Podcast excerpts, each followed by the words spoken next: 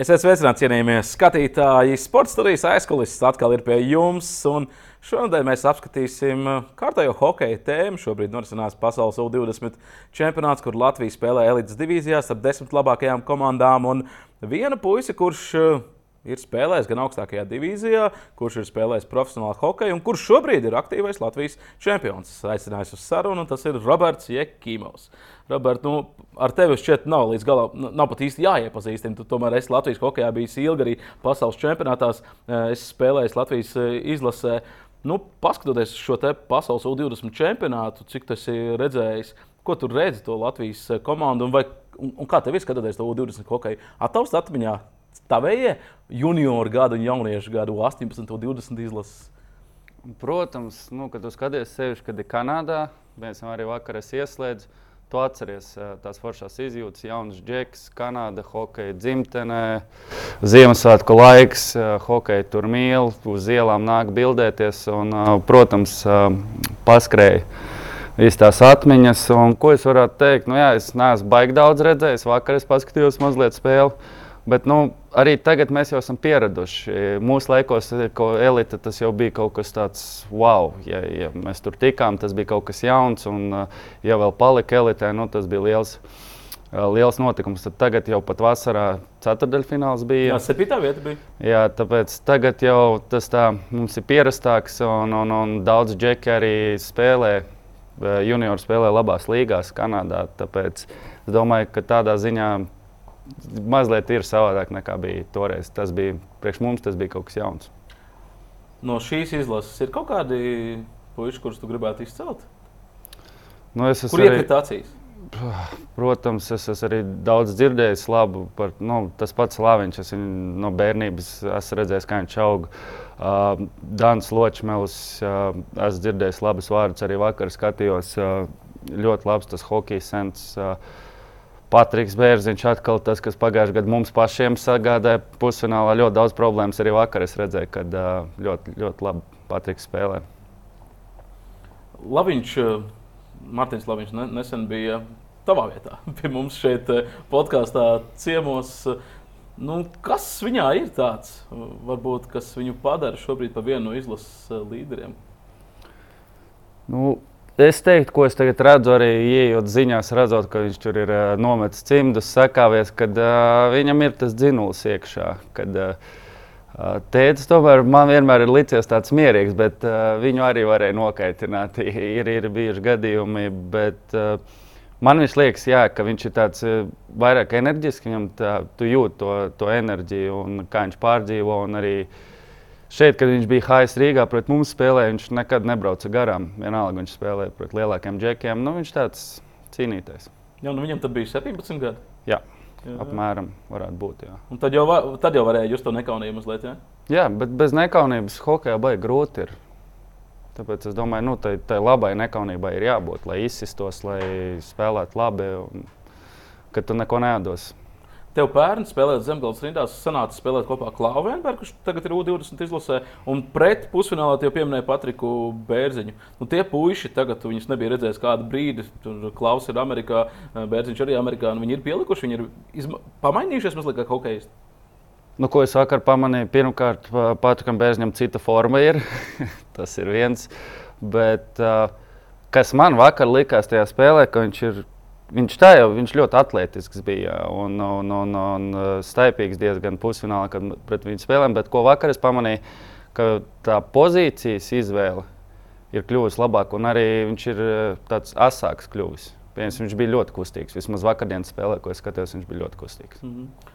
Mums uh, Latvijas hokeja ir daudz skaisto zaudējumu bijis. Gan pieaugušajai izlasē, gan arī junioriem.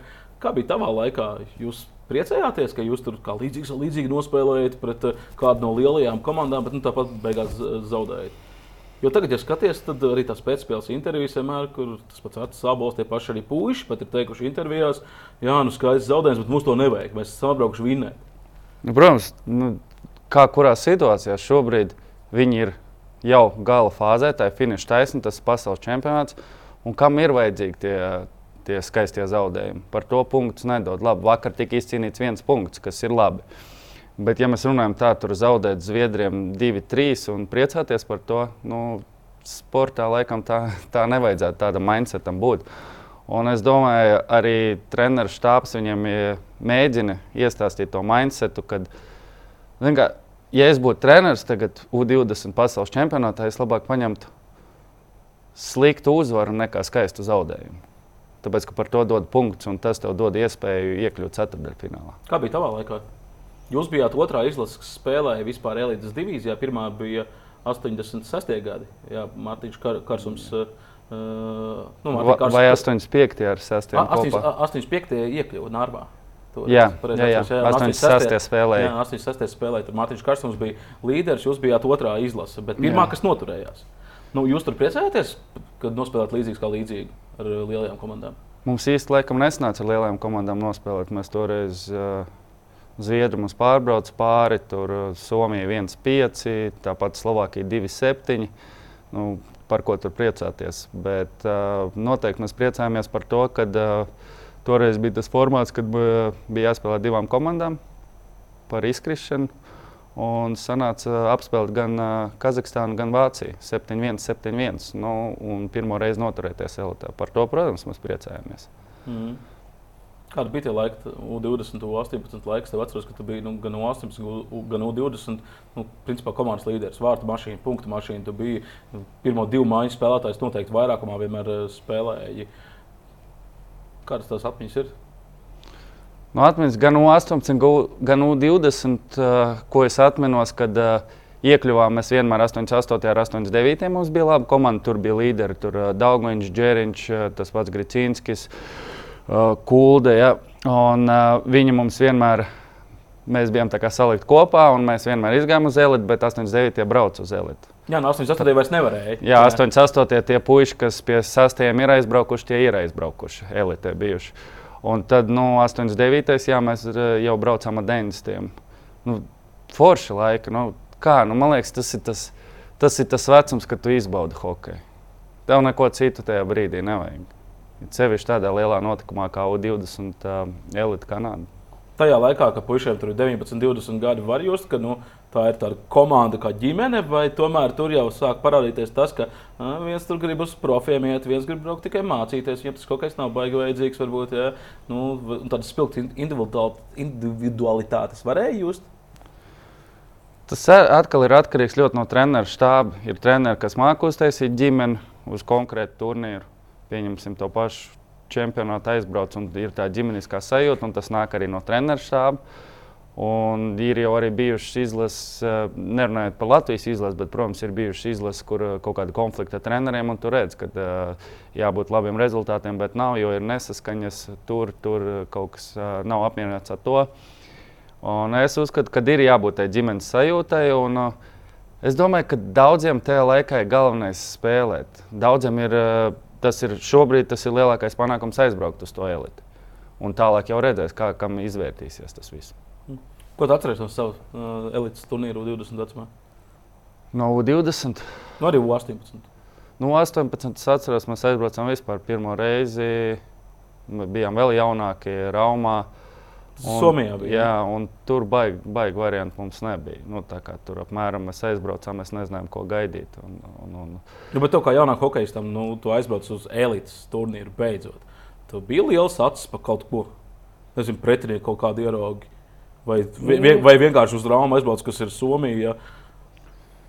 Somijā varbūt tā mazāk tas bija. Tas U-18 čempionāts tomēr bija zemāks, ja mēs ņemam U-20.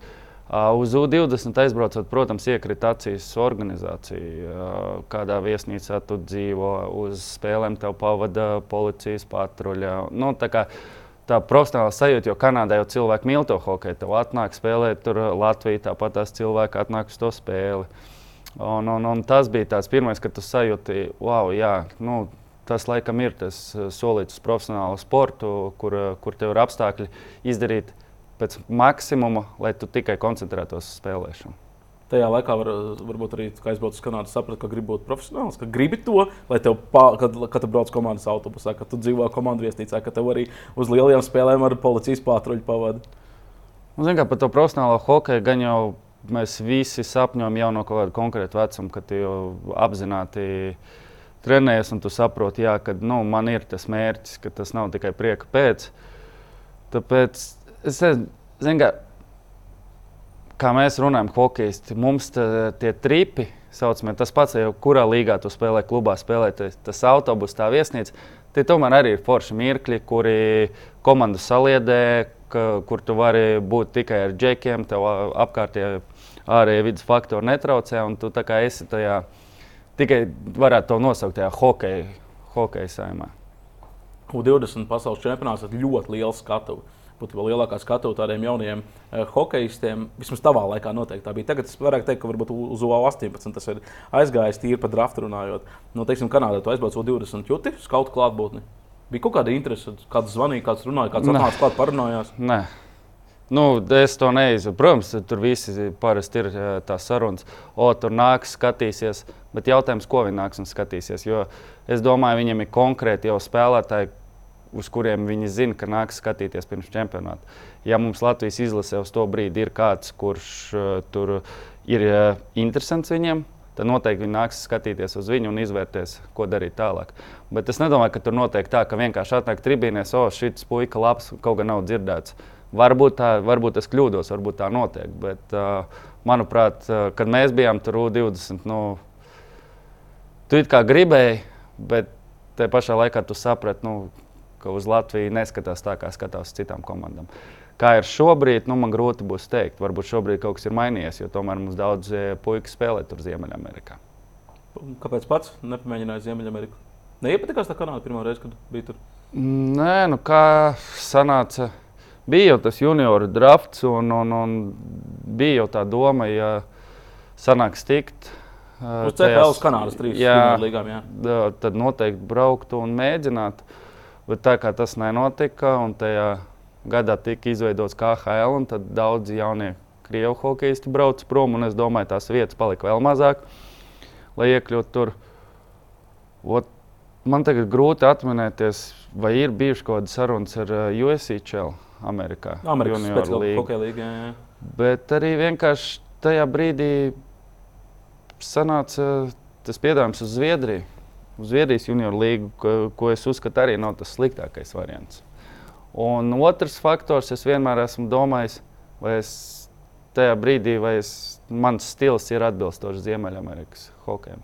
Kāpēc tas nav atbilstošs? Nu, labi, ok, tu ne, neesi 1,90 m augumā, ja spēka mitriķis, bet nu, tev ātrums tajā laikā bija milzīgi liels. Tu biji ātrāks par lielāko daļu spēlētājiem. Tas ir viens, tas ir jā, tur individuālās kaut kādas uh, iezīmes, bet uh, man tā doma vairāk ir par to, par to hokeju. Man patīk vairāk uh, spēlēt ar ripu, kustināt ripu. Uh, tajā laikā visi uzskatīja, ka Ziemeļamerikāņu hokejs ir primitīvs. Mazi laukumi, daudz sišanās. Uh, Un man kā spēlētājam arī man vajag vairāk vietas, tad es jūtos komfortablāk. Ja man visu laiku ir klāta, man arī kļūst grūtāk spēlēt. Nu, desmit gadi pagājuši, vairāk, 13 gadi. Šeit vai 14 pat ir pagājuši kopš tā laika. Nu, kā tev varbūt pamainījies tas viedoklis? Vai tiešām Ziemeļamerikā spēlē primitīvu hokeju? Nu, atkal, kuru līgu mēs ņemam? Noteikti tie mazie laukumi spēles stilu ietekmē. Tas pats ir dzirdēts arī no vārdsargiem, kad uh, viņi tur visu laiku ir tonu sadaļā, tā ka tev metieni gan iznāk no visurienes. Tad Eiropā uz lielākiem laukumiem, labi, tagad Eiropa arī pāriet uz mazākiem laukumiem, daudzas līgas, un, uh, un, un arī tas hokejs kļūst uh, dinamiskāks. Es nezinu, vai tagad, vai es būtu braucis uz Ameriku. Šajā vecumā noteikti nē, man būtu vēl grūtāk. Un, bet, nu, ja mēs paņemam kaut kādas zemās līgas, Amerikā, es domāju, jā, tur viens sišanās ir. Nu, pats uh, spēlēja Somijā. Arī, tur arī tajā laikā bija mazāk laukuma nekā citvietā uh, Eiropā. Tur tu, tas bija tavs labākās sezonas karjerā vispār. Augstākajā līgā vairākas sezonas nospēlēja. Pasaules čempionātā izlasētīgi. Jā. Tad varbūt tomēr tie mazie laukumi nemaz tik neizdevīgi tev nav. Viņi bija savādāki. Ja mēs ņemam, kad tajā laikā Ziemeļamerikas laukums, jo mums arī bija Somijā, kad, kad es biju Somijā, mums bija spēle ar Jokeritu, un dienu iepriekš spēlēja tas saucamās, kas viņiem tie pa klasikiem ir, kad NHL komandas atbrauc uz Eiropu un spēlē savā starpā.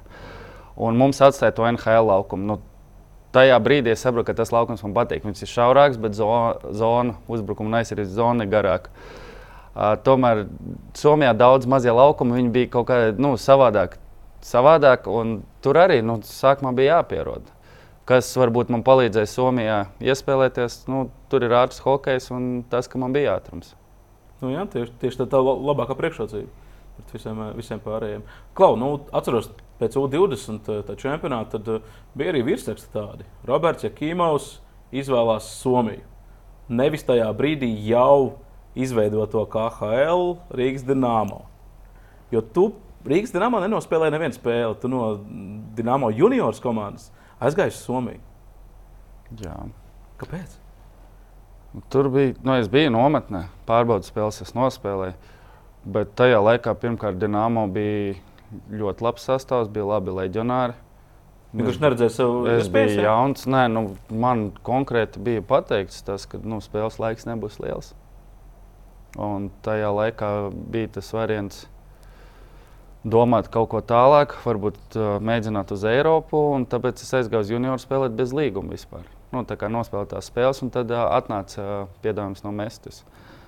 Es domāju, spēlēt, spēlēt. Jaunam džekam vajag spēlēt. Un tajā laikā es jau nezinu, kā būtu, ja es būtu parakstījis. Dienāmo. Kā tā karjera izvēlēsies? Tad tev ar Rīgas dīnāmo nekad ne, nav bijis oficiāls līgums? Nē, es esmu bijis divreiz zem pārbaudas līguma uz nometnēm. Mm.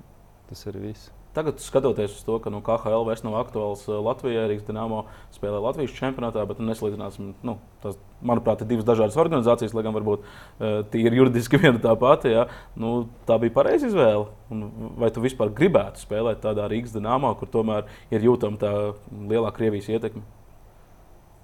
Tajā laikā vai, vai tagad? Nu, tajā laikā jūti, ka tur ir tāda krievijas ietekme? Es nejūtu. Tajā laikā es, es vienkārši biju sportists, kurš eh, nu, grib spēlēt. Un tajā laikā Dienāmo bija ienācis Latvijā.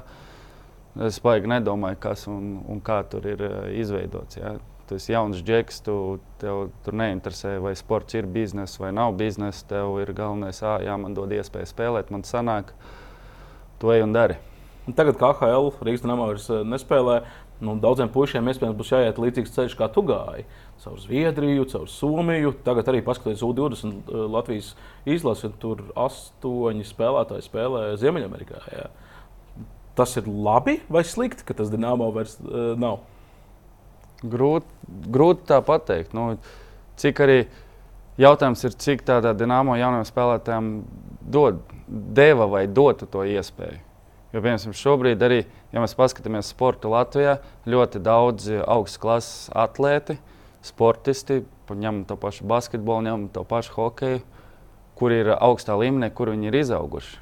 Viņi ir tīņa vecumā aizbraukuši uz ārzemēm un tur izveidojušies jau kā, kā pilnvērtīgi sportisti. Tāpēc, vai, ja man ir jautājums, vai tas ir slikti, ka mums tagad uh, daudz jaunu puiku spēlē ārzemēs, es noteikti teiktu, ka nē.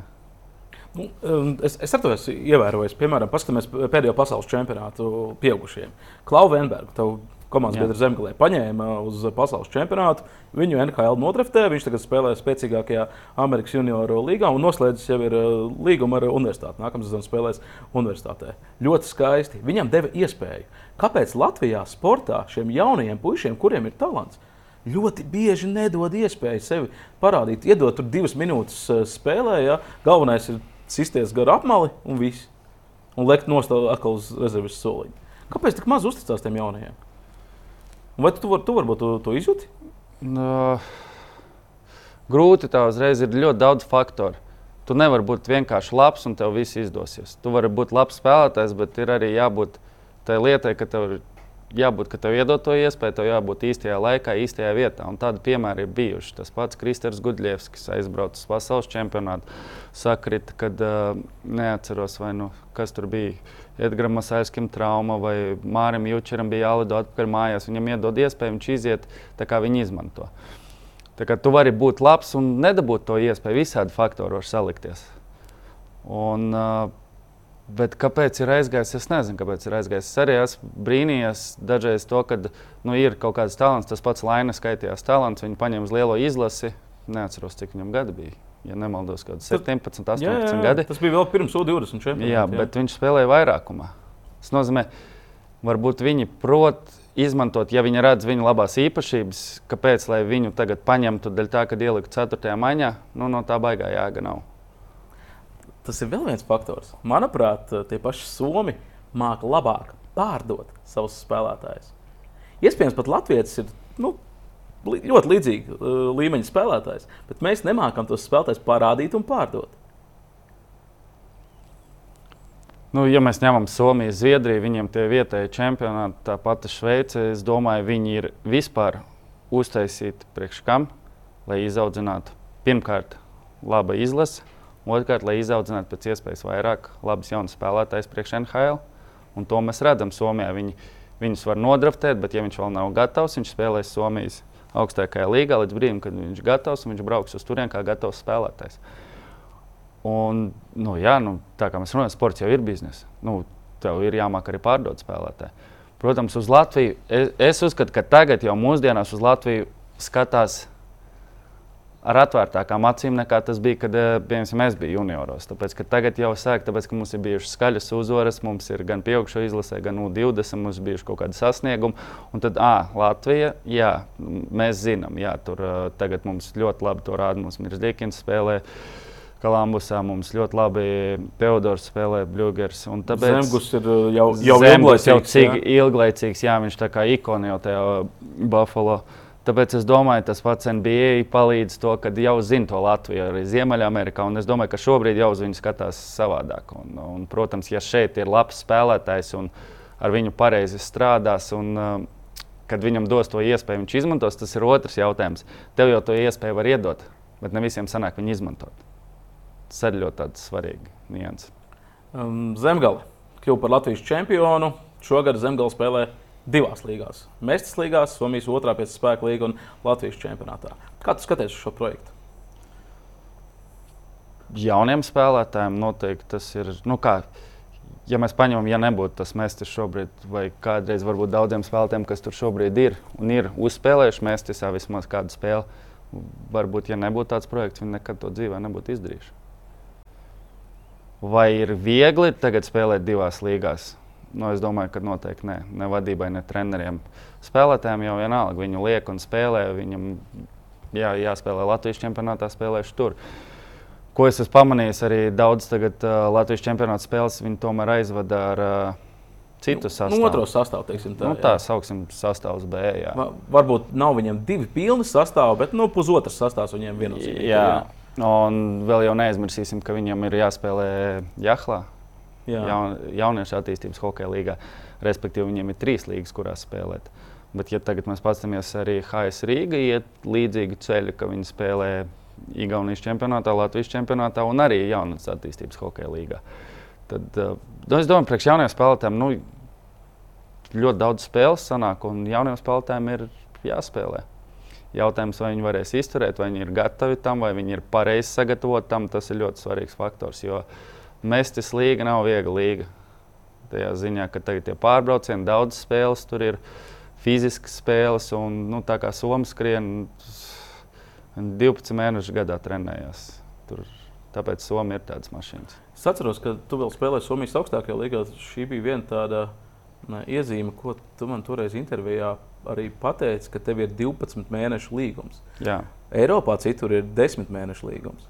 Nu, kā kur jā, nu, ir arī Eiropā, es esmu dzirdējis, Čehijā tev var būt 12 mēnešu līgums. Ko tas 12 mēnešu līgums nozīmē? Uh, to, ka tev alga ir 12 mēnešus, tas, ja mēs ņemam, tas ir no, labais. Ja? Tas ir tas labais. No Otras puses, tas nozīmē, ka tu Latvijā piemēram, pavadīji tajā brīdī ļoti maz laika. Tāpēc, kad, ja tu netiec uz pasaules čempionātu, tev īsti nav. Tev beidzās pēdējā spēle, tev ir oficiāli tur trīs nedēļas brīvs, un pēc tam tu brauc atpakaļ un tu strādā līdz gandrīz jūnija vidum, pat līdz 20 datumiem. Trenējies. Trenējies bez ledus, sausie treniņi, piecas reizes nedēļā, dažas dienas, divreiz dienā. Nu, jā it kā labi, bet no otras puses eh, diezgan tāds uh, drastisks, es pat teiktu, tas režīms. Nu jā, bet ja mēs skatāmies atkal no cita aspekta, kad tu to dari, tu ieguldi nākotnē. Un, kad tev nākamā gada sākās tā sezona, tu esi gatavs. A, a, varbūt Somija tos 12 mēnešu līgumus slēdz tieši šī iemesla dēļ, ka viņš šādā veidā nodrošina to, ka spēlētājiem ir ļoti laba fiziskā sagatavotība, ka viņš tomēr no tā māja līdz jūlijā vidum nu, reāli liek iekšā fizisko. Nu, protams, ja mēs Visi komandas jau var eh, iedot, eh, piemēram, pirmkārt, sāksim ar to, ir viens fiziskās sagatavotības treneris, kas grib, lai komandai būtu kaut kāda bāze vienāda. Piemēram, ja viņš man iedos tos uh, vingrinājumus un pateiks, taisīt viņus, tu brauc uz Latviju un trenējies tur pats. Nu, viņi riskē. Savā ziņā viņi riskē. Vai ja es neko nedarīšu? Ir ļoti daudz spēlētāju, nu, kuriem jāstāv blakus, lai viņi darītu. Tāpēc es domāju, tas, ka viņiem viss trenējās kopā, viņi saprot, uz ko viņi iet, un tā, uz to viņi izvirza sev mērķus un jau tajā saknē sāk būvēt. Nu jā, un uh, viņi, viņš jau to pamanīs, ka tu neesi tā īsti pēc viņa programmas strādājis tikai tad, kad tu būsi uz pirmssezonu atbraucis. Es tad... domāju, testos pamanīs. Nu, Protams, jā, nu... Tur jau arī notiek tie Somijā bija slaika testēšana, tev ir testi. Tad, piemēram, ir kaut kāds posms, kurā jūs strādājat, un tad atkal ir testi, lai redzētu, vai strādā pareizā virzienā vai nē. So, Somijas tā mestis līga, nu, salīdzinot to savu komandu, ar ko jūs izcīnījāt Latvijas čempionu titulu ar uh, Zemgali. Tagad, uh, nu, ko tā komanda mestis līgā varētu izdarīt? Kāds tas līmenis vispār tur ir? Arts Sabols saka, tas ir ātrs kaut kas. Noteikti. Es, man ir grūti pateikt, es tur esmu spēlējis mestis ļoti sen atpakaļ. Uh, Un zinu, ka šodien Zemgala tieši spēlē pret manu bijušo komandu. Viņam vienkārši tagad cits nosaukums ir.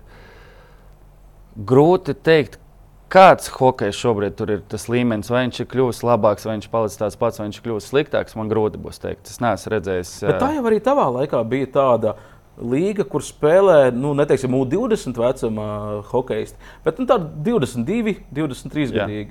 Tur ir ļoti daudz spēlētāju, kas ir uh, vēl nav gatavi varbūt SM līgai, un te viņus nosūta lejā. Un plus tur arī ir vecāku gadu gājumu cilvēki, kas ir ilgi piemēram, nospēlējuši augstā līmenī, bet viņi vēl grib spēlēt, un uh, atkal viņi izvēlās spēlēt Mestisā. Kāds ir tas mārketings Mestis līgai? Viņiem tur ir viņi spēlētāji bija citas ķīveres, uh, ir pilns ar logo noklātiem, lai gan daudzas komandas nāk no mazām pilsētiņām. Viņiem tas ir vienkārši tajā Somijā kā tāda nezinu, hokeja kustība, vienkārši tā hokeja popularitāte, vai tomēr tur tiek mērķiecīgi strādāts uz to? Nu, tas viss ar tām ķiverēm tur ir mainījies jau desmit reizes, kopš es esmu spēlējis. Manos laikos tur bija, jā, rezultātīvākajiem spēlētājiem bija citi ķiveri, bet tas viņiem ir bijis, cik es atminos, Somijas hokeja, gan SM līgā. Tad tagad viņam vēl ir parādījusies kaut kāda ķivera, kur treneris izvēlās, kurš, kuram vislabākā attieksme. Nu, Viņi strādā uz tām lietām, varbūt, lai redz, ka puika strādā. Viņam treneris parāda, ka tas ir piemērs un lūdzu sekojiet. Un, nu, tie ir tādi gājieni, protams, kad ir daudz jaunu spēlētāju, kuriem nu, ar viņiem ir jāstrādā. Par tiem sponsoriem. Jā, tas ir viens. Par tiem sponsoriem runājot. Somija ir no, viena no tām valstīm, jā, kur tev visur. Man ir bijušas arī komandas, kur tev sponsori ir uz stikliņa, ka tev traucē redzēt uz slidām, uz slidu asmeņiem, uz tiem plasmašiem, jo nav kur likt. Uh, Tieši tāpēc daudz nāk no mazām pilsētām, un viņiem ir jāpiesaist ļoti daudz sponsoru. Viņi, viņiem varbūt nav viens liels sponsors, kas dod visu naudu, bet viņiem ļoti daudz mazu sponsoru. Tādā veidā viņi savāc. Jo man arī bija Jokipoja, tā bija pirmā gada, kad es spēlēju. Es biju viens no tiem spēlētājiem, kuriem logo vietā bija sponsors. Jo sponsors bija tie, tie kas mani atbalstīja. Kas maksāja tev valsts būtībā? Būtībā jā, tā sanāk. Jā. Palabo mani, ja es kļūdos, bet tu Somijā vienā sezonā arī diezgan ilgi nesāji to zelta ķiverīti rezultātīvākais spēlētājs. Man sanāk no trim gadiem. Divus gadus, kurus abus es biju saipā, kaut kādu brīdi es abus gadus jā, jā, jā. Nu, kā, kā bija? Tu esi arī redzējis tevi pretspēlētājs. Viņš pret tevi, redzot, ka tev ir tā zelta ķiverīte, ies kaulā iekšā. Bet tomēr ar tādu mazu pietātu pret, pret, pret, pret, pret pretinieku uh, komandas rezultātīvo spēlētāju. Kā kurš? Arī pirmo reizi dabūju rezultātu, kad ķiver mestisā, un tajā spēlē es dabūju smadzenes arsenālu. Bet, ja mēs runājam par SM līgu, un es biju arī runājis ar Jānu Sprūktu par to, jo viņš tomēr tur bija spēlējis. Un, uh, tad, kad es biju arī piesaistīts izlasēs, daudz viņam uzdeva jautājumus, kā, un, kā labāk. Un tad mēs par to arī runājām. Un, ja es nemaldos, tur bija tas fakts, viņš teica, arī atkarīgs kas. Piemēram, ja tāds Jānis Prūks bija zelta ķiverē un pretī bija jauns aizsargs, protams, ka viņš iedos viņam vairāk brīvības. Nu, viņš baidīsies mesties virsū. Bet ir, protams, kaut kādi tie, kas ir spēlētāji, spēku spēlētāji, un, protams, viņi nebrauks garām.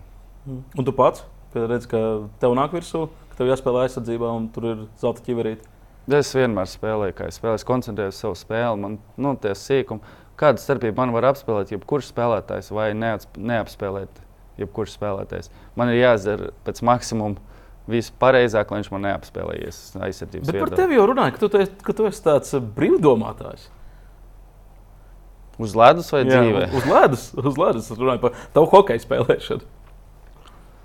Nu, jā, nu visādi ir teikuši, bet es domāju, ka vairāk bija tā Es centos arī, es nekad neesmu bijis tas lielākais, smagākais spēlētājs. Un, un, um, arī augot, es biju bieži vien, es ļoti vēl izaugu. Un es biju tas mazākais spēlētājs. Man vajadzēja to kreativitāti kaut kur, lai es varētu izdarīt pēc iespējas labāk. Tāpēc, kad nu, man, man nebija jēga, man arī bija treneri, ar, ar kuriem ar maniem strādājuši. Viņi teica, nu, nav jēga tev tur mēģināt stūrīt, tur cīnīties, cīnīties. Nu, tikai zaudēs spēku.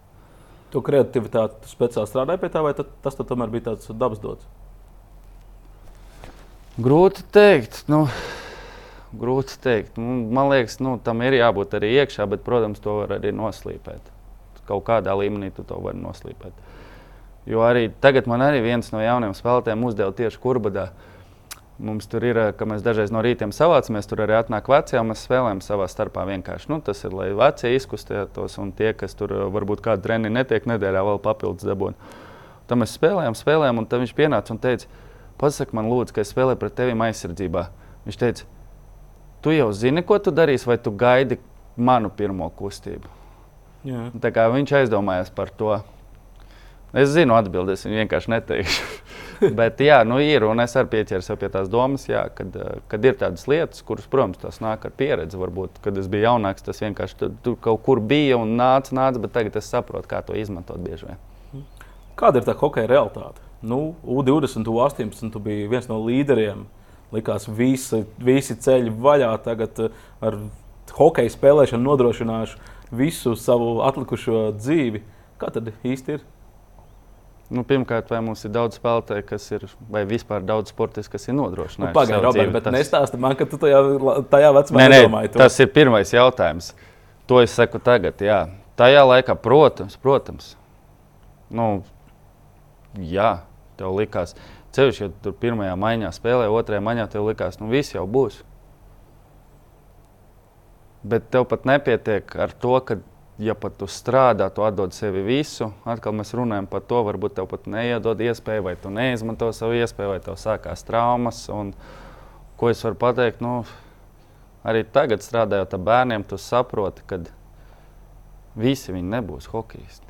Un tas ir jāsaprot gan, gan pašiem bērniem, vēl jau vairāk vecākiem.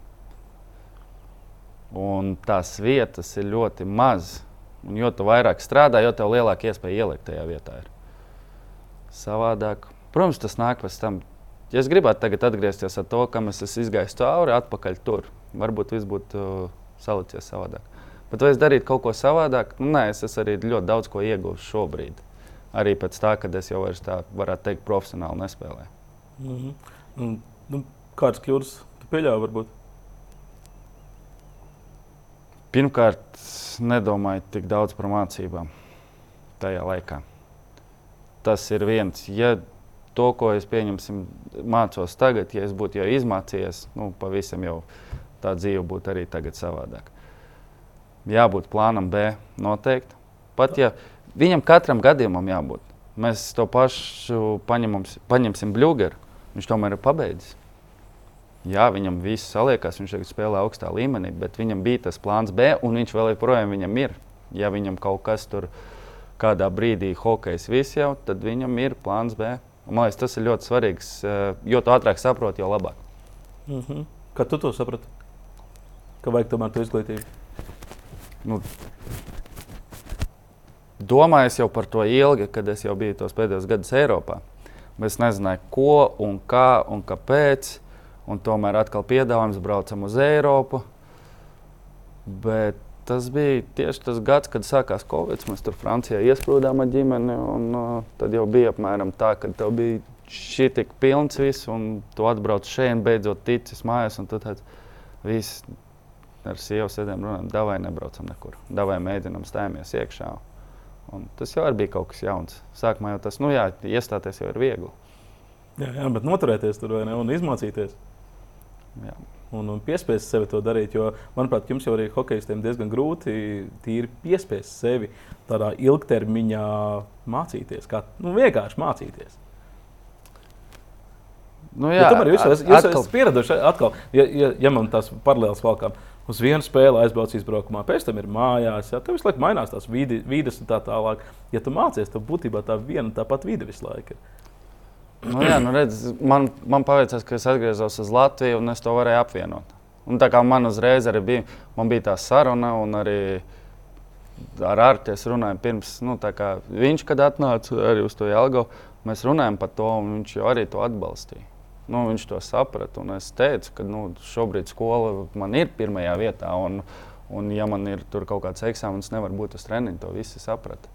Ar profesionālo sportu atkal to ir grūtāk izdarīt. Mm -hmm. Un otrs, ka tu esi jauns, piemēram, paņemsim 20 gadīgu džeku. Viņš jau bieži vien nezina, ko viņš grib mācīties, un aiziet kaut kur mācīties. Kaut ko vienkārši. Kaut ko vienkārši tas arī, arī vēl grūtāk ir sev piespiest. Mm -hmm. Ja tu mācies tikai papīra dēļ.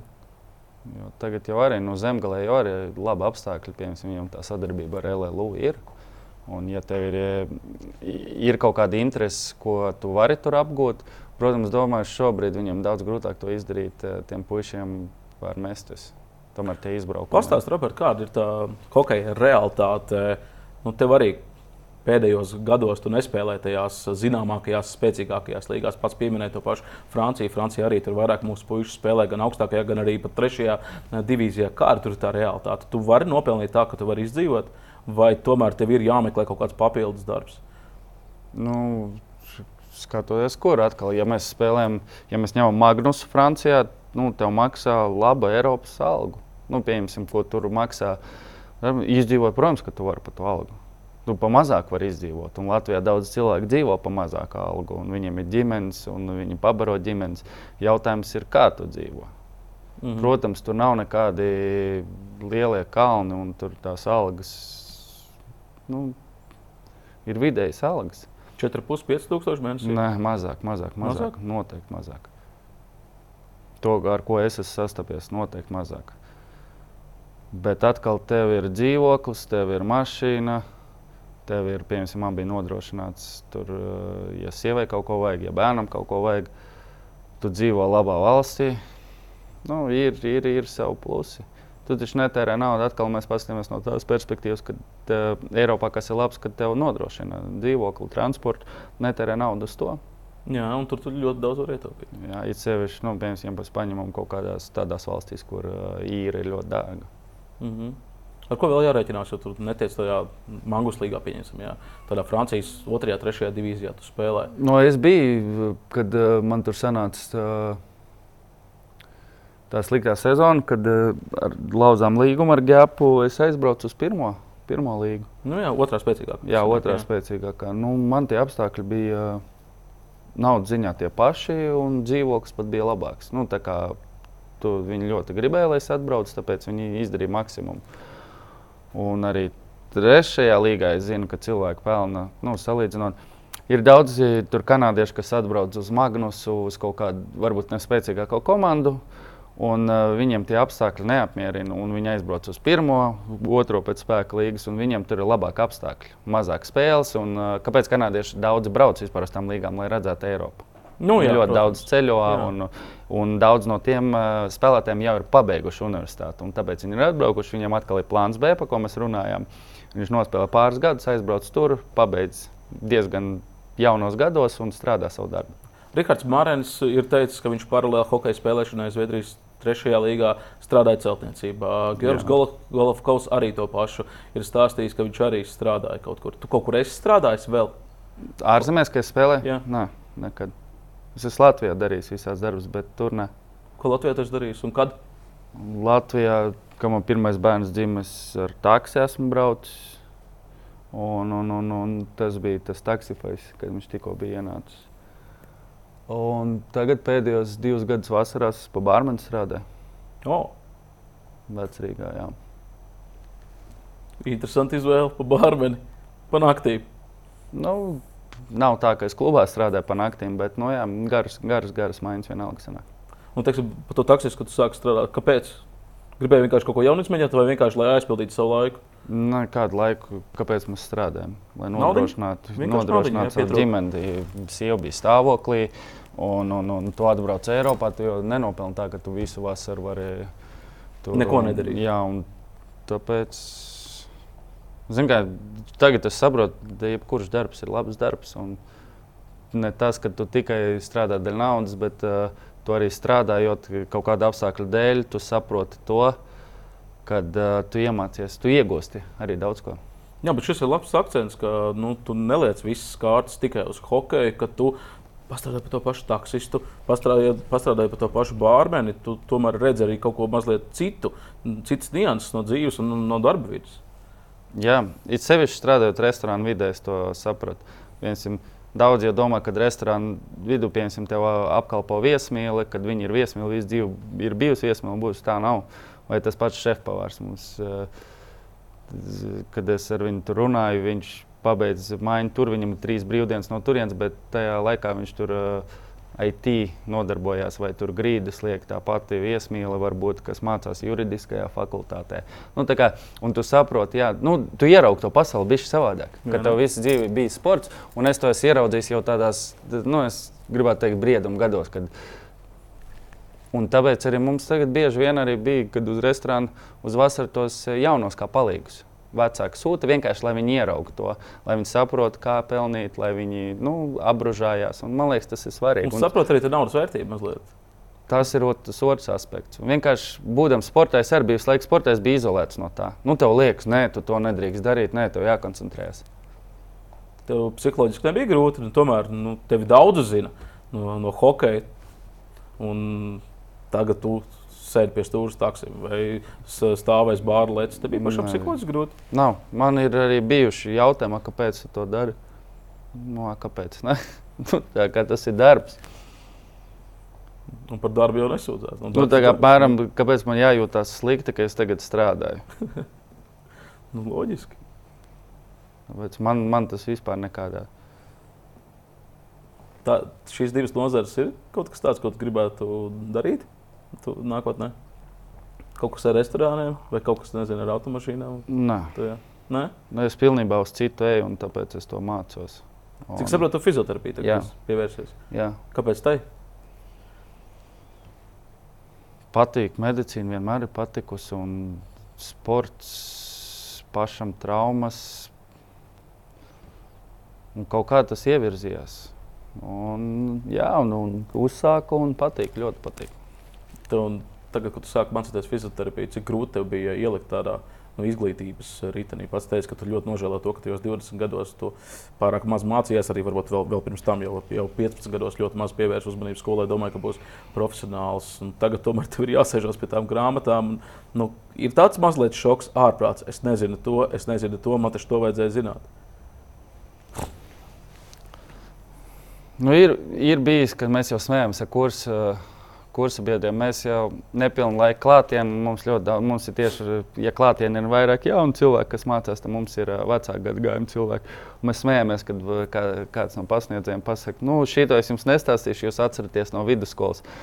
Pirmais aspekts ir, kāds varbūt ir nu, tur vidusskolā, baigi labi nav mācījies, un otrs ir vien- viens cilvēks, sēž, viņš saka, es 20 gadus atpakaļ biju vidusskolā, nu, tā kā vai pamatskolā, kā lai es to atceros. Bet nu, tā nozara ir. Šeit mēs mācāmies ļoti daudz no paša sākuma. Tāpēc vienkārši mācīties, it sevišķi tā kā man tas interesē. Protams, arī skolā arī ir, nu, ir brīži, kad sev jāpiespiež. Un plus, ja es būtu tikai students, arī būtu daudz vieglāk nekā, kad tev paralēli ģimene un, un, un citi darbi un vēl spēlēšana. Pēc Latvijas čempionu titula izcīnīšanas kopā ar Zemgali tu pameti. Komandu pam- pameti Jelgavu un tagad tu strādā ar U13 eh, kurbada jauniešiem. Ja? Jā, palīdz. Kāpēc? Kāpēc nepalika Jelgavā? Tu Tur labi gāja, bija laba komanda. Daudz no viņiem vēl aizvien tur spēlē. Jā. Bet vai es varētu to visu apvienot? Nu, mēs sēdējām, runājām ar, direktoru. Un, un otrs, cik es saprotu, nu, tā doma viņam arī ir koncentrēties uz jaunākiem spēlētājiem. Šobrīd uh, man, ja es ne, nebūtu, nu, es dēļ skolas nevarētu braukt uz Mestis. Noteikti skola man ir pirmajā vietā. Un tad vienkārši gaidīt, ka komandi tur un trenēties vienam pašam un spēlēt Latvijas čempionāta spēles. Nu, man tas liekas, tu neesi komandā vairs. Nu, man liekas, tur nevarēja, nevarēja to salikt kopā no manas puses. Bet nu, ar tavu pieredzi, it sevišķi, ja runājam par Somijas MKL, bija jau plāns par to Somiju, ja, ar tavu pieredzi. Tavu viedumu, Somijas hokeja zināšanu. Tu taču būtu ļoti noderīgs eh, šī brīža tai zemgājas komandai, kas spēlē Mēstis līgā. Viņi tiešām necentās tev pierunāt. Vai tu vienkārši pats biji nolas? Vai, vai tu pats biji nolas? Tas bija sarunas, bet atkal uz doto brīdi, tie, nu, kāda bija man tur apstākļi, visi apkārt, tad nu, es nezinu, tad, kas būtu jāizdara, lai es piekristu tam. Un otrs jautājums, vai es varētu tagad mesties skriet. Jo tomēr tagad jau nav laika tā trenēties, kā piemēram, es trenējos, kad es biju. Un tomēr tad man bija 19 gadi, tagad man ir 33 gadi. Nu, ir mazliet atšķirība, protams. Jā. Un, nu, tā kā es smejoties, ar, nu, mēs teicām, man jau izdevās vinnēt to kausu. Jā. Tāpēc, nu, tā kā uz tajā līgā nospēlēju pusotru gadu, es, es zināju, uz ko es būtu parakstījies, ja es būtu parakstījies mm. to līgumu. Nu, labi, pievēršamies bērnu trenēšanai. Kurvadā 13-gadīgais puisis pats teica, ka fizioterapijā tev viss māca no sākuma. Un vēl pieminēja sarunas uh, viducītī aptuveni par to, ka nu, diezgan labi jūs žmiedz arī treniņos. Tajā laikā jau, kad nu, jau 16 gados tu saproti, ka tu gribi būt profesionāls un tad kārtīgi trenējies. Kā ir ar to mūsdienu jaunatni? Un kā ir ar tiem plāniem B mūsdienu jaunatnē? Nu, 13 gadīgi puiši. Nu, Neteiksim, ka viņi jau ir pieauguši, bet nu, tur jau kaut kāds domu gājiens viņiem noteikti dzīvē ir. Protams, un tagad arī bija tieši pirms, tas bija pāris nedēļas atpakaļ. Mums bija kaut kāda spēle, un sēdēja ģērbtuvē, bija pāris puiši atnākuši. Viņiem bija spēle, un es viņiem paprasīju, domāju, interesi pēc paprasīšu, kāda ir vidēja atzīme katram skolā. Un, nu, es biju šokā. Es atceros, kādas mums bija. Un, un kad man sāka saukt, tur 8,9, 8,7, 7,5. Un es tajā brīdī sapratu, ka tagad jau arī vecāki pievērš uzmanību tam, kad mācības ir svarīgas. Jo, lai es kādreiz dzirdētu, tur mūsu laikos, ja kāds pateica, tur man ir astoņi vidējā, nu nebija tā. Bija mm. bijis savādāk tā mentalitāte. Tad tagad es domāju, viņi jau šitajā vecumā saprot. Redzēsim, kas būs vēlāk. Tomēr viņi vēl attīstās. Un, un arī jautājums ir, nu, kas viņam tas sports ir. Daudziem tas sports ir ļoti labi pavadīt laiku tajā halē, un, un, un tā ir otra ģimene. Viņam. Nu, bet tā jau arī vajadzētu bērnam būt. Ja paskatās to pašu Zviedrijas, Somijas modeli, nu, tur arī ļoti liela masveidība sporta veidos. Ir nu, paši talantīgākie, kuriem kuri grib, un tā tālāk, tie, protams, izskatās. Bet lielākā daļa jau tas ir tāds nu, tā tautas sports, varētu teikt. Jā, nu es arī dzirdēju Zviedrijā to, ka viņam vasarās līdz kaut kādam konkrētam vecumam liek nodarboties citiem sporta veidiem. Arī. Pirmkārt, tas attīstīja un tev dod iemaņas arī hokeja, vai nu arī varbūt tajā sporta veidā tev ir lielākas iespējas izsisties. Un tev ir bērnam jābūt aktīvam, viņam jā, jā, jāizmēģina pēc iespējas vairāk, ja ir tāda iespēja. Mēs jau nevaram paņemt bērnu, uzlikt viņu slidam un pateikt, ka visi tu būsi hokejists. Mēs līdz ļoti lielam vecumam nevaram pateikt, kāds, kāds nobriest vēlāk. Kāds nav bijis nevienā ne junior, ne jauniešu izlasē, bet tomēr pēc tam spēlē augstā līmenī. Jā, ir vairāk gadījumu tādu bijuši. Un otrs ir eh, tie, kas ir bijuši tur līderi jauniešos, pazūd atkal tajā pieaugušajā hokeja. Protams. Nu, tad, tad tu gribi teikt, ka 13, 13 gadīgā tā paudze, kas, kur tu trenē kurbadā, viņi jau ir tādi apzinīgāki nekā tu tajā vecumā. Es domāju, viņiem ir tas nāk no ģimenes. Es domāju, vecāki arī tagad uh, ir prasīgāki uz skolu. Treneri ir prasīgāki uz skolu. Treneri saprot to, ka tas ir svarīgi. Jo mums jau arī strādājot ar jauniešiem, tādiem kā U13, labi, mēs viņus mēģinām uh, iemācīt kaut kādas nianses, lai viņš būtu labs hokejs. Bet mums arī tā galvenais mērķis, mēs viņus gribam iz, uh, iemācīt būt labiem cilvēkiem. Mums ļoti ir aspektēts tieši uz to, ka viņš ienāk halē, viņam ir jāsasveicinās ar visiem, viņam ir jāpasaka paldies, viņam jābūt ir, uh, labam pret saviem komandas biedriem, pret treneriem, jāklausās, jābūt disciplīnai. Pat ja viņš nebūs hokejists, viņam būs ļoti daudz lietas, kas uh, viņam dzīvē noderēs no sporta. Disciplīna un tā tālāk. Un tā tālāk. Treniņa, treniņa metodika kāda ir? Šobrīd? Jā, nu, salīdzinot ar tā, kā tevi trenēja.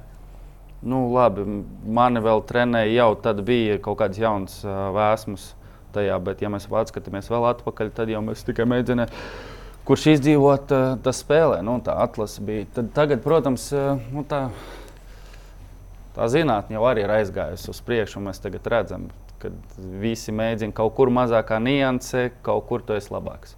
Protams, ir mainījusies un arī nenodzena bērnus. Tagad. Tas nozīmē, ka arī tā tren, treneru vienkārši attieksme arī mazliet mainījusies pret bērniem. Ka, nu, šķiet, ka treneri arī saprot, ka nu, nebūs visi hokeisti ka vienkārši Protams. vajag labu cilvēku nu, un veselīgu cilvēku.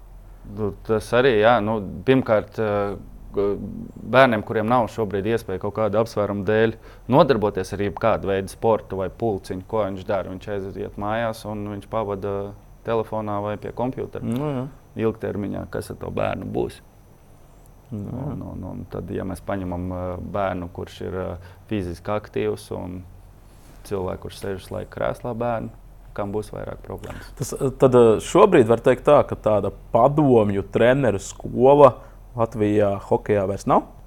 Nu, tas ir šausmīgais žmiegšana, dzīšana uz priekšu. Nu, nē, nu tagad noteikti visi, visi treneri strādā gudrāk. Nu, es neesmu dzirdējis pēdējā laikā, ka kāds būtu. Protams, ir kaut kādas lietas, protams, tev ir kaut kāda konkrēta perioda, kad tu iedod to treniņu, nu, kad tev ir viņš jānodzena. Mm. Bet tev jādara daudz kas ar galvu. Tagad daudz pievērš uzmanību, kas ir svarīgs. Mums jau ir, ir jāpievērš uzmanība ne tikai, ko mēs darām halē. Un tam bērnam arī jāsaprot, tiem vecākiem arī jāsaprot, ka viņam jau arī, ja viņš grib būt sportists, viņam jāsaprot, ko viņš dara ārpus halas. Tu pats skaidro bērniem, piemēram, puiši, mēs tagad nevis skriesim, kā es jūsu vecumā.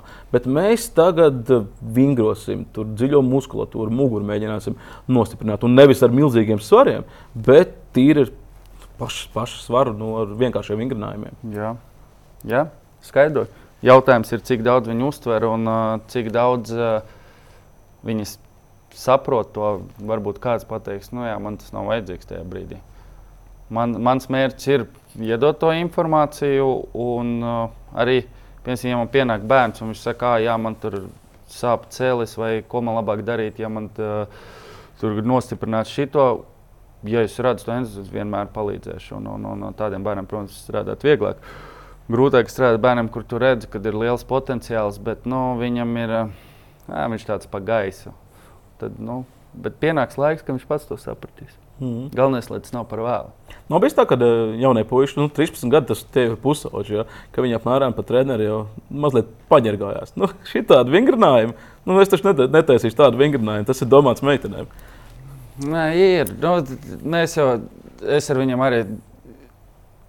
Tas treniņš arī, ja piemēram, mēs ņemam to fizisko treniņu, ko mēs tur uh, dodam viņam zālēs, vai, vai saucamo sauso treniņu, Galvenais jau arī viņiem, tu jau nevari vienkārši iedot uh, garlaicīgu treniņu viņiem. Tomēr tie ir bērni. Un bieži vien ir uh, mēģina improvizēt, lai iedot, lai viņiem ir interese. Jo viņam lielāka interese, jo tev vieglāk. Un tu mēģini kaut kādīgi samanģēt to visu. Protams, ir kaut kādi uh, brīži, kad mēs viņus padzenam. It sevišķi, ja ir kaut kas nu, nav sakārtot, ģērbtu, žāvētu, nav sakārtot, viņi arī var dabūt no mums iekšā. Nu, tā, tā kā mēs mācām jābūt kārtībai visur. Viņam tas dzīvē tikai noderēs. Mm, tu vairāk um, vēlēsies būt fizioterapeits vai hokeja treneris? Fizioterapeits noteikti. Tad hokeja trenēšana tāda baigi nu, nav tā, ka tā ir sirdslieta. Ja? Nu, šobrīd man ir tas mērķis, uz ko es eju. Un kas man patīk, kad fizioterapija mūsdienās ļoti iet ar, ja mēs runājam tieši par sportu, un tu paliec sportā ar fiziskās sagatavotības Tas, mm tas man patīk. Tu pats uh, sāki ar crossfit nodarboties. Man pat bija 27 gadi, varētu būt apmēram. Tu Latvijā atceros, tev satiku arī ātrāk. Pat. Ātrāk pat varbūt, jā. Tas būs jāprasa manam draugam Grundmanim, kad, kad, kad, kad viņi uzsāka. Es, es tieši pie Grundmaņa tur zālē tevi arī redzēju. Jā, jo un, un, un es pirms tam tevi nebiju redzējis crossfit zālītē. Sen jau īstenībā sen mums beigās bija novākusies jau ilgadēja grupiņa, kas mēs tur trenējamies, un vēl joprojām ir pat saglabājušies tie cilvēki. Protams, vasarā tagad, ja agrāk mums tas mērķis bija, nu, tomēr mēs tur spēlējām Eiropā, mums bija tas mērķis viens, un mēs visi kopā, tad tagad tie mērķi jau bišķiņi atšķirās. Nu, kāds tur atnāk, mazāk laika kļūst un tā. Nu, man patika, man patika. Tas nu, bija labs veids, kā, kā uzturēt savu formu. Jā, ko tev tas deva? Jo tad, tomēr tas ir tā, tur ir kopā eksplozivitāte, spēks un arī izturība. Jā, bet nu, mēs arī bijām savādāk strādājām. Ja mēs ņemam klasisku crossfit, kas ir eh, cilvēks, kurš atnāk pēc darba, viņam iedod kaut kādu vodu, mums tomēr tas viss aspekts bija uz, eh, uz to hokeju, un Krišs eh, pats ar maniem kopā mācās. Ar to arī viņš attīstās tā, ka nu, tagad mēs varam strādāt uz kaut ko konkrētu. Un arī tajā laikā mēs strādājam konkrēti vairāk, kas mums noderēs hokeja. Nu, nav jēga man snatču 120 kg celt virs, virs galvas. Vairāk mēs strādājam, tas bija tāds sakombinēts. Bet uh, jūs jau, kad to sākāt, jūs jau nebijāt tādi nu, jau zinoši par to visu. Nu, to, to, to jau, tā jau bija daļai pašdarbība, vai ne? Jo Krišs arī bija tik, tikko šķiet izmācījies. Nu, jā, nu, izmācījies. Nu, kā, nu, kā tas to eksāmenu, jā, jā. jā. jā. Eh, viņš bija. Bet nu, tur jau ir jāsaprot. Mazliet, teiksim, ka, nu, te, ka tev nav vajadzīgs tas snatch 120 kg. Nu, tas jau uzreiz dienā. Tas jau ir jebkurā darbā, ja mēs paskatāmies, kad cilvēks ir desmit gadus atpakaļ, ko viņš ir eh, darījis un ko viņš tagad darīs. Protams, tas viss attīstās. Bet nu, krosfitā vienmēr ir tika sekots līdzi tam, ka eh, tev neviens nelaist nemaz pie stieņa, ja tev nav tehnika. Kas mums palīdzēja ar to, ka tomēr sportistiem kaut kāda veida tā tehnika ir. Mm -hmm. Nu, tu nevari parastam cilvēkam iedot stienu un pateikt. Un, diemžēl uz parasta zāli cilvēki aiziet un saskatās. Un visādi brīnumi ir redzējuši, ka viņi saskatās, kā bench press spiež šitie powerlifteri. Viņš ir tādā pozā apguļās un viņam tur trūcis uzreiz. Ir. Nu, jā, jā. Atgriežamies pie U20 pasaules čempionāta. Arts Sābols šobrīd ir Latvijas U20 izlases galvenais treneris. Tu pērn arī pie viņa spēlēji. Nu, paraksturo, kāds viņš ir kā, kā treneris. Un kā cilvēks? Nu, tas grūti pateikt, kā, nu, kā treneris, kam atkal. Labi, viņ, divus gadus viņš bija Algavā, bija divi fināli. Vienu zaudējām, vienu vinnējām. Un, un komanda mums bija novākusies stipri. Vai, tur jau mēs nevaram izcelt tikai treneru vai tikai spēlētājs. Tas ir mm. tomēr kopīgs darbs. Ko es varu pateikt par viņu kā treneri? Jauniem spēlētājiem zemgālē viņš ir devis to iespēju, un ir, ir, ir spēlētāji, kuri varbūt būtu beiguši, viņš nebūtu atnācis. Nu, piemēram, ja nebūtu tā izveidojusies.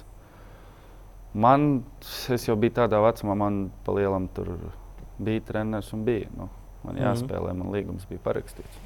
Bet uh, tu minēji, ka tu ar viņu esi runājis, ka, tev, nu, ka tev galvenais ir skola. Jā. Un viņš arī tur ir piekritis tam, ka, ja tu neesi uz treniņu, tas nozīmē, to, ka tu esi skolā. Jā.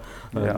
Saprotoši, nāk pretī nu, arī. Tādā ziņā viņš jau pats tam ir gājis cauri karjeras beigās. Viņš jau arī mācījās. Viņš mācījās arī par treneri, un, un viņš saprot to. Un viņš arī saprot arī jauniem puikām viņš tur saka pa mācībām. Viņš prasīs, tu mācies vai tu nemācies, kāpēc. Tagad ar vien vairāk to saprot. Un arī sporta skolas direktori man ir palīdzējuši ar skolu. Tas pats arī Kurbadā to saprot. Un ar vien vairāk gan direktori, gan vadība, gan treneri viņi saprot, ka tas ir vajadzīgs. Un tāpēc tagad ar to vairs nav problēmas. Mm -hmm. Mēs te runājam par to Mēnesis līgu un zemgālu. Dažiem puišiem tur sanāk pa trijās līgās spēlēt. Jāklis, Latvijas čempionāts un vēl Mēnesis līga. Uh, ja es vēl kā paralēlis ar tevi, ka pats arī atzina, ka nemācījies tajā vecumā. Nu, tas, manuprāt, arī ļoti grūts pārbaudījums būs šiem jaunajiem puišiem uh, piespiest sevi arī padomāt par mācībām. Tas nekas, ka tev ir 70 spēles sezonā, bet uh, tu nedrīkst arī par to aizmirst. Jā, nu, man grūti pateikt, es baigi Nē, es iedziļinājos tajā, tagad runāju ar viņiem, kā, kā viņiem tur pa mācībām iet. Bet tas arī atkarīgs no cilvēka. Arī pagājušajā gadā ir bijuši cilvēki, kuri nevar savilkt ar Latvijas čempionātu. Tas ir ļoti atkarīgs no, no cilvēka. Ir arī, mhm. protams, ir apzinīgi cilvēki, kas uh, var arī pabeigt spēlēt mestisā. Jā, tieši tā. Nu, Robert, ko tu gribētu novēlēt Latvijas hokejam un uh, Latvijai kā tādai jaunajā gadā? Nu, lai mēs tikai augtu un, un mums augtu ar vien vairāk labi spēlētāji. Un, un, un, un lai vecāki būtu pacietīgi un, un, un ļautu ļaut puikām attīstīties. Un nedomāt, ka no katra iznāks hokejists. Noteikti, jā. Lai tas ir pašplūsmā, tad jau redzēsim. Galvenais, lai visi izaugtu pa labiem cilvēkiem, tas ir daudz svarīgāk. Paldies, Robert. Labs cilvēks, Roberts Kīmos, pie mums šodien uz sarunu. Nu, mēs no jums atvadāmies, bet neskumstiet ilgi, jo pēc nedēļas jau mēs būsim atpakaļ ar jaunām sporta studijas aizklausēm, ar jaunām tēmām, ar jaunu, jaunu viesi un, protams, ka jaunām sarunām. Visu labu! Laimīgi jaunā gada!